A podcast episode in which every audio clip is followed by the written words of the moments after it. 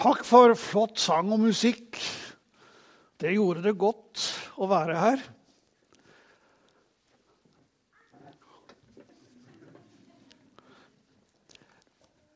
Det var kjekt å se dere. En del av de gamle ansiktene som jeg så når jeg var pastor her for mange, mange år siden. Det er 16 år siden jeg slutta, og 24 fra jeg kom. Men jeg ser heldigvis mange nye ansikter. Og så ser jeg noen barnevogner. Jeg var på et møte for, i en sånn, sånn gjestepredikant for et par år siden. Og Så spurte de meg etterpå hvor mange var det på møtet. Ja, det var, det var 120. Og så var det 11 barnevogner! Og det er flott! Det er mange barnevogner. Det er framtiden, dere. Med å, at det ble masse barn. Og barn og ungdomsarbeid er viktig. Hyggelig å være her i en sånn familiebegivenhet og så få sjansen til å, til å dele Guds ord med dere. Vi ber en bønn sammen. Far i himmelen, jeg priser deg i Jesu navn for at vi får lov å være her for ditt ansikt.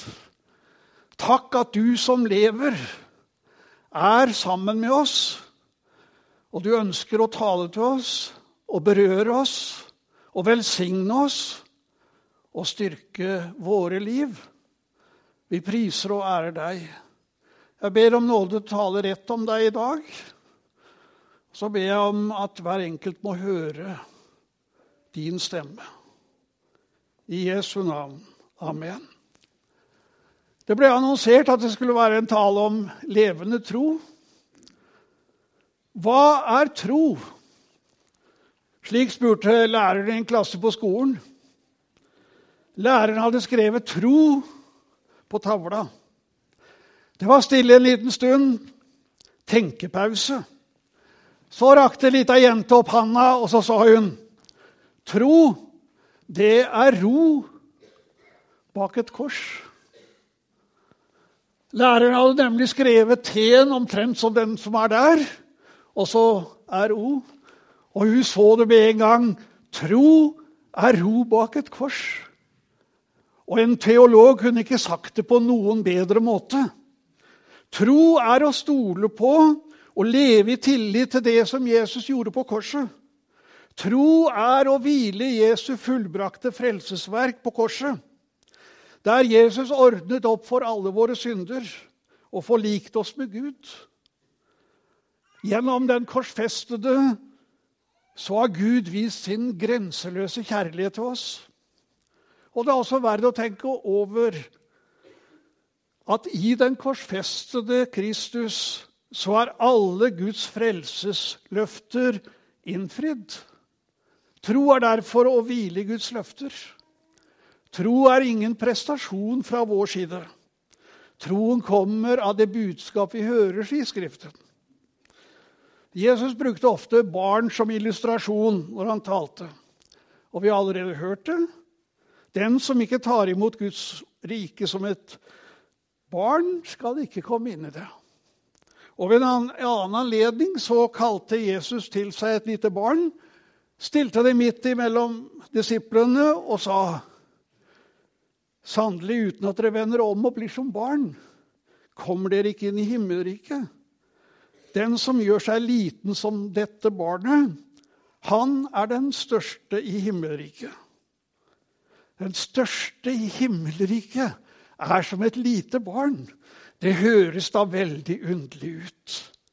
Hva betyr nå egentlig det? Hva ville Jesus si med det?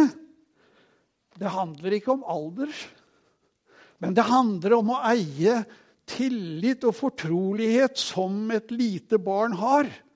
Og den avhengighet, hjelpeløshet og svakhet som barnet har. Det er Barnet avhengig av andre. Og de små som vi har velsigna i dag, de er avhengig av foreldrene sine. Det er hevet over enhver tvil. Men når det handler om tilhørighet i Guds rike, dere, så er vi helt og fullt avhengig av Guds nåde og den godhet og kjærlighet han har vist oss gjennom Jesus Kristus.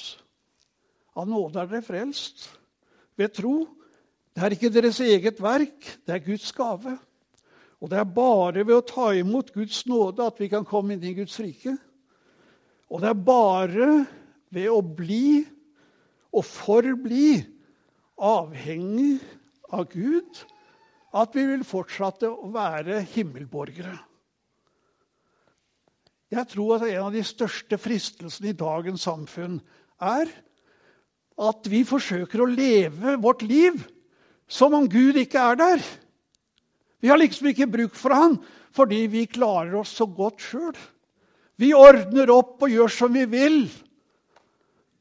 Men går livet litt på tverke, da, da er han god å ha der. Ja, det er som en paraply. Sant? Den er god å ha, men det er best å ikke bruke den. Men det er feil å ha det sånn. Vi er, vi er avhengig av Gud i livet vårt. Han som har skapt oss og har vist oss hvem han er gjennom Jesus Kristus. Det handler om å tro og hvile i det han har gjort, og det han har sagt. Men tro det er mer enn å hvile. Tro handler om at livet vårt skal være preget av det. Liksom et lite barn vokser og utvikler seg, skal troen utvikle seg. Jeg har lest Hebrevbrevet 11. 11. kapittel. Og Der står det om hvordan troen kom til uttrykk i ulike menneskers liv. Enok vandret med Gud fordi han trodde på ham. I 300 år, står det. Noah han bygde en ark. Og jeg har tenkt litt på Noah i det siste.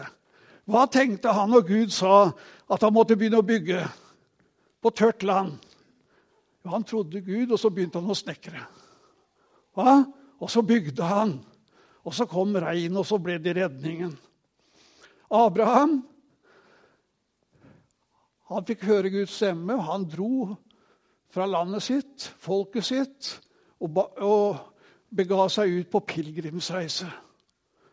Seinere i Hebrebrevet 11 så står det om, om Moses. Han kunne hatt det veldig godt ved Egyptens hoff. Han ble jo regnet som faraos sønn. Men han valgte å lide ondt sammen med Guds folk enn å ha en kortvarig nytelse av synden, står det. Og så bega han seg ut også på en reise og leda israelsfolket ut av Egypt. Troen ble synlig i deres liv. Og så er det allehelgenssøndag i dag, dere. Og vi har hørt det innledningsvis noen som har gått foran. Og det er mange som har gått foran, og troen prega deres liv. Vi sitter i et hus i dag dere, som er reist av mennesker som trodde på Gud. De hadde ikke penger, men de bygde i tro. Og Jeg husker da når vi skulle utvide sidesalen her. Da var jeg her som pastor. Og så var det en debatt. Skal vi gjøre det? Skal... Nei, vi har ikke penger, sa noen. Men vi trodde at det var viktig å bygge ut for å ha bedre lokaliteter for å presentere evangeliet. Det har gjort i tro. Og sjøl så våger jeg å si at jeg har fulgt litt i Abrahams fotspor. Jeg har bodd mange steder. Jeg har flytta med familien min fra sted til sted. Hvorfor? For jeg trodde at Herren kalte meg til å være med og forkynne evangeliet. Sant? Troen den blir synlig. Hvordan, blir, hvordan er troen synlig i ditt liv? Hvordan kan andre mennesker se din tro? Ikke bare når du sier det, at du tror, men at du viser det i praktisk handling.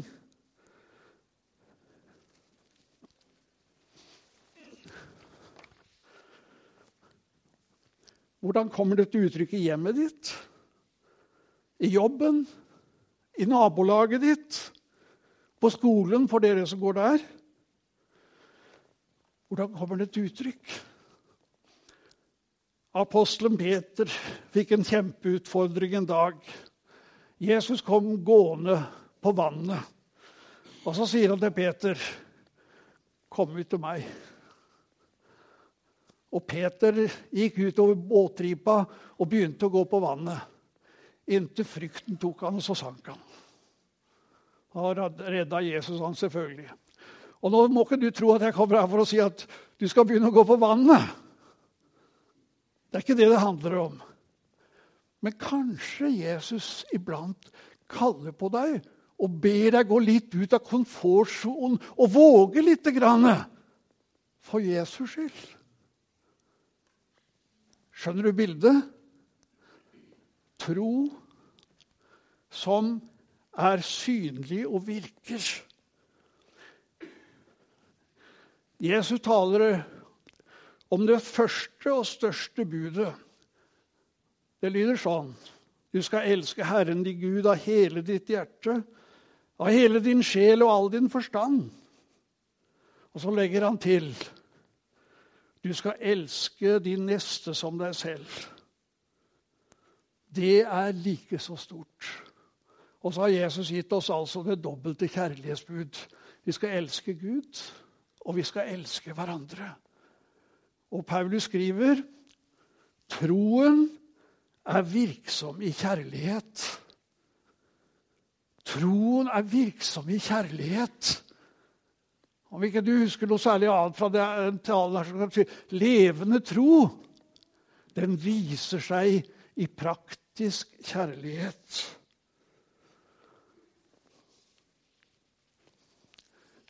Siden vi har barna i fokus, fokus i dag, så vil jeg snakke litt om levende tro i relasjon til familien. Levende tro, virksom i kjærlighet, handler om å gi barna mat og klær, selvfølgelig. Og kjærlighet og omsorg. Det handler om å formidle Guds kjærlighet til barna. Å hjelpe dem og veilede dem inn til et bevisst forhold til Jesus Kristus. I dagens samfunn er det mange som syns det er veldig trist at kristendomsundervisningen nesten er tatt ut av grunnskolen.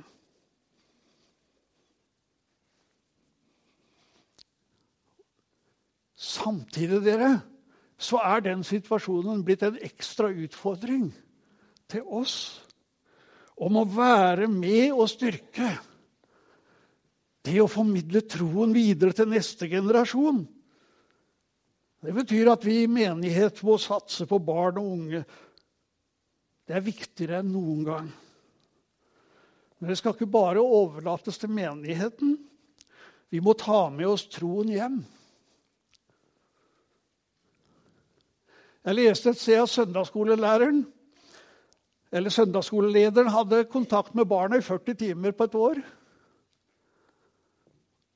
Mor har kontakt med barnet 3000 timer i året. Det er litt forskjell, det. Da kan vi ikke overlate holdt jeg på å si, det å formidle troen bare til søndagsskolelederen. Foreldrene er enda viktigere. Og sånne statistikker de sier at mor er den viktigste påvirkeren. Dernest kommer far, og så kommer noen andre. Og så etter hvert så kommer søndagsskolelederen.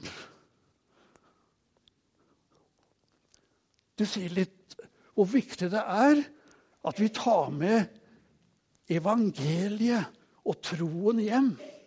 Og som foreldre og besteforeldre også så er det viktig at vi modellerer troen for neste generasjon. Og nå må dere menn høre veldig godt etter. Ja? Jeg tror at vi som menn vi må enda sterkere på banen. I veldig mange tilfeller så er det damene som, kvinnene som er søndagsskolelærere og barneledere. Selvfølgelig skal de være der. Men jeg tror det er viktig at menn også tar ansvaret. For gutta trenger noen, at noen menn er på banen. Den siste menigheten som jeg var pastor, så var det en mann som sa at gutten min Han er ikke så veldig glad i å farge, for det gjorde de etter søndagsskolen. Han var en sånn tøffing. Han måtte ha aktivitet. Han måtte få litt utfolding og utfordring. Og da er mannen viktig, dere. Og det gjelder selvfølgelig også hjemme. Mannen er viktig å få på banen for å formidle evangeliet til neste generasjon.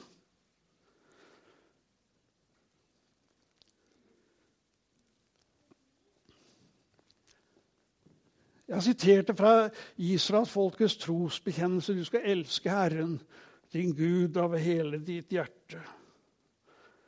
Og så fortsetter det videre. Disse ordene som jeg pålegger deg i dag, skal du bevare i ditt hjerte. Du skal gjenta dem for dine barn og snakke om dem når du sitter i ditt hus, og når du går på veien, når du legger deg og når du står opp. Du skal binde dem om hånden som et tegn og ha dem på pannen som et merke. Du skal skrive dem på dørstolpene i huset ditt og på portene dine. Det høres ut til å være et rart avsnitt. Det er henta fra 5. Mosebok. Hva var poenget? Poenget var at, at Gudsordet, det skulle være der i hverdagen. Det skulle ikke bare være i synagogen og i tempelet. Det skulle være i hjemmet. Og Gud hjelpe oss til det, dere. Jesus taler iblant veldig, veldig sterkt om å være bevisst på å lede neste generasjon. Han sier den som lokker til fall en av disse mine minste små, som tror på meg, han var bedre tjent med å få en kvernstein hengt om halsen og ble senket i havets dyp ved den, denne verden som lokker til fall. Forfølgelse må komme, men ved det mennesket det kom, det mennesket som det kommer fra. Pass dere for å forakte en eneste av disse små. For jeg sier dere, de har sine engler i himmelen som alltid ser min himmelske fars ansikt. Og nå tenker du ja, jeg villeder ikke.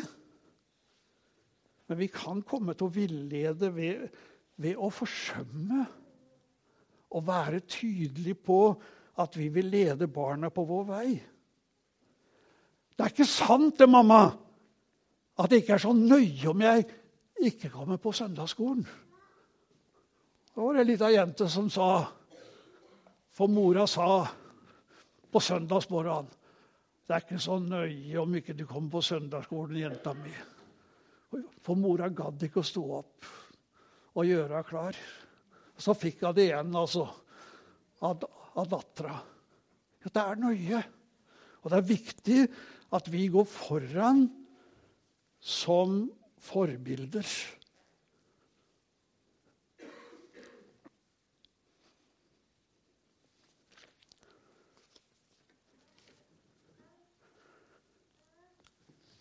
De første kristne de holdt de første kristne, de første nye kristne, de holdt fast ved de fire b-er, sa vi gamle dager. Og Nå må du huske på at det er en gammel mann som, som taler. Og da sa vi Bibelen, bønnen, brodersamfunnet og brødsprøytelsen. I dag kan vi jo ikke si det. Vi kan jo ikke snakke om brodersamfunnet. For damene hører jo med. Ikke sant? Vi må snakke om søskenfølelse, vi kan ikke snakke om de fire b-ene. Men vi kan likevel snakke om at det her er livskilder for oss som kristen. Det er der troen bygges. Ved å lese i Bibelen, ved å ha en stille stund med Jesus. Ved å være sammen når de hellige samles, og når brødet brytes. Og så er det veldig engasjerende å lese om den første menighet. De samlet seg på tempelplassen, for de hadde ikke noe gudshus. Der var de sammen. Og så samlet de seg hjemme. Og nå har Jeg snakka veldig mye om familien og dere som kanskje ikke har barn og, sånn, tenker sånn at det gjelder ikke meg. Jeg tror at hjem er veldig viktig i vår tid. Og Bibelen understreker igjen og igjen betydningen av gjestfrihet. Å ha noen å være sammen med og dele troen.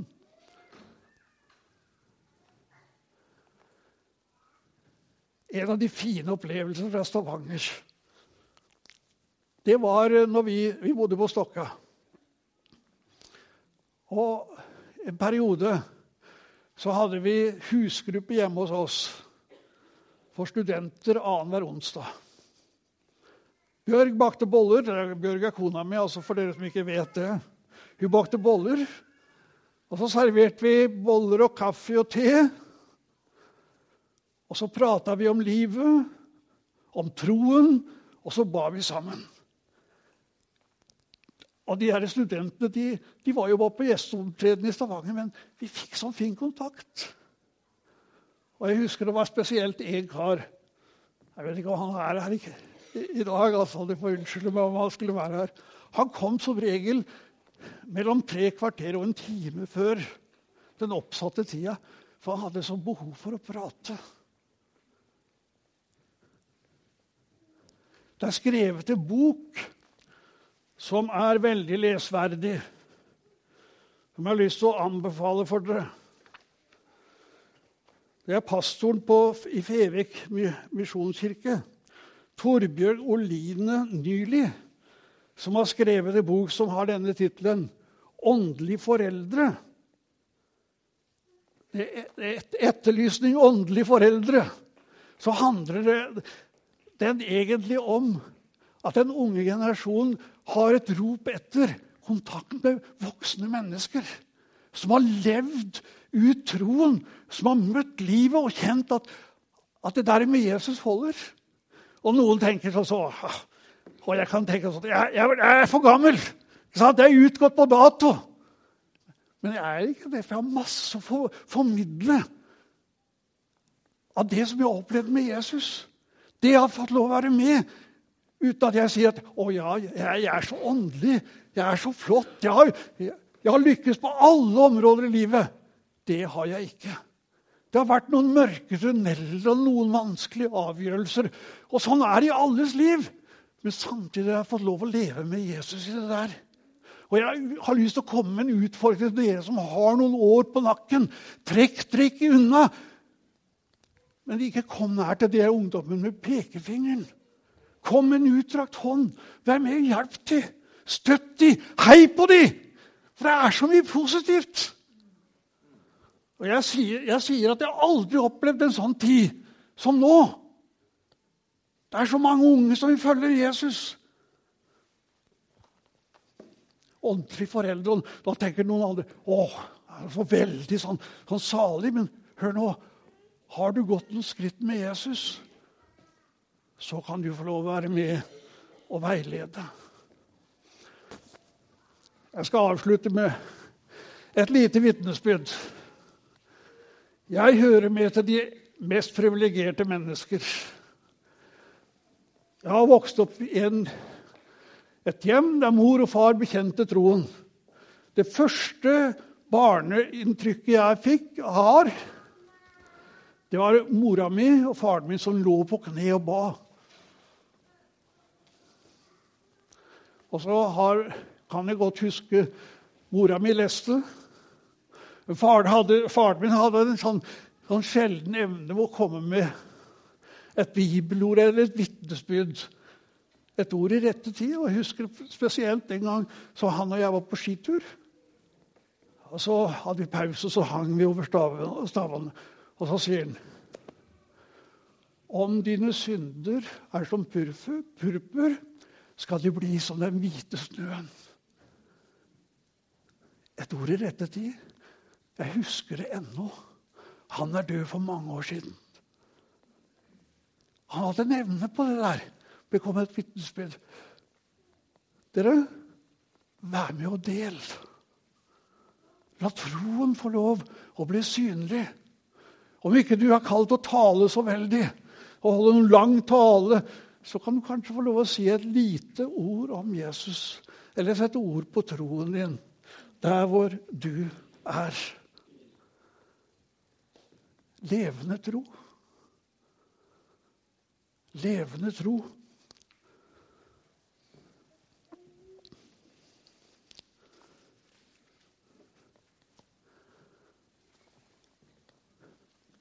Da vi hadde barnevelsignelse for vår sønn nummer én, så satt det ei dame i forsamlingen. Gud sa til henne, 'Du skal være forbeder'. Og hun har fortalt så lenge jeg altså, I mange år, jeg tror det var faktisk da hun døde, hun er død nå, så ba hun daglig for vår sønn. Vi flytta fra det stedet, men hun var en forbeder. Og jeg har lyst til å si vær med og be. Vær med og be for, for de unge familiene, for ungdommene.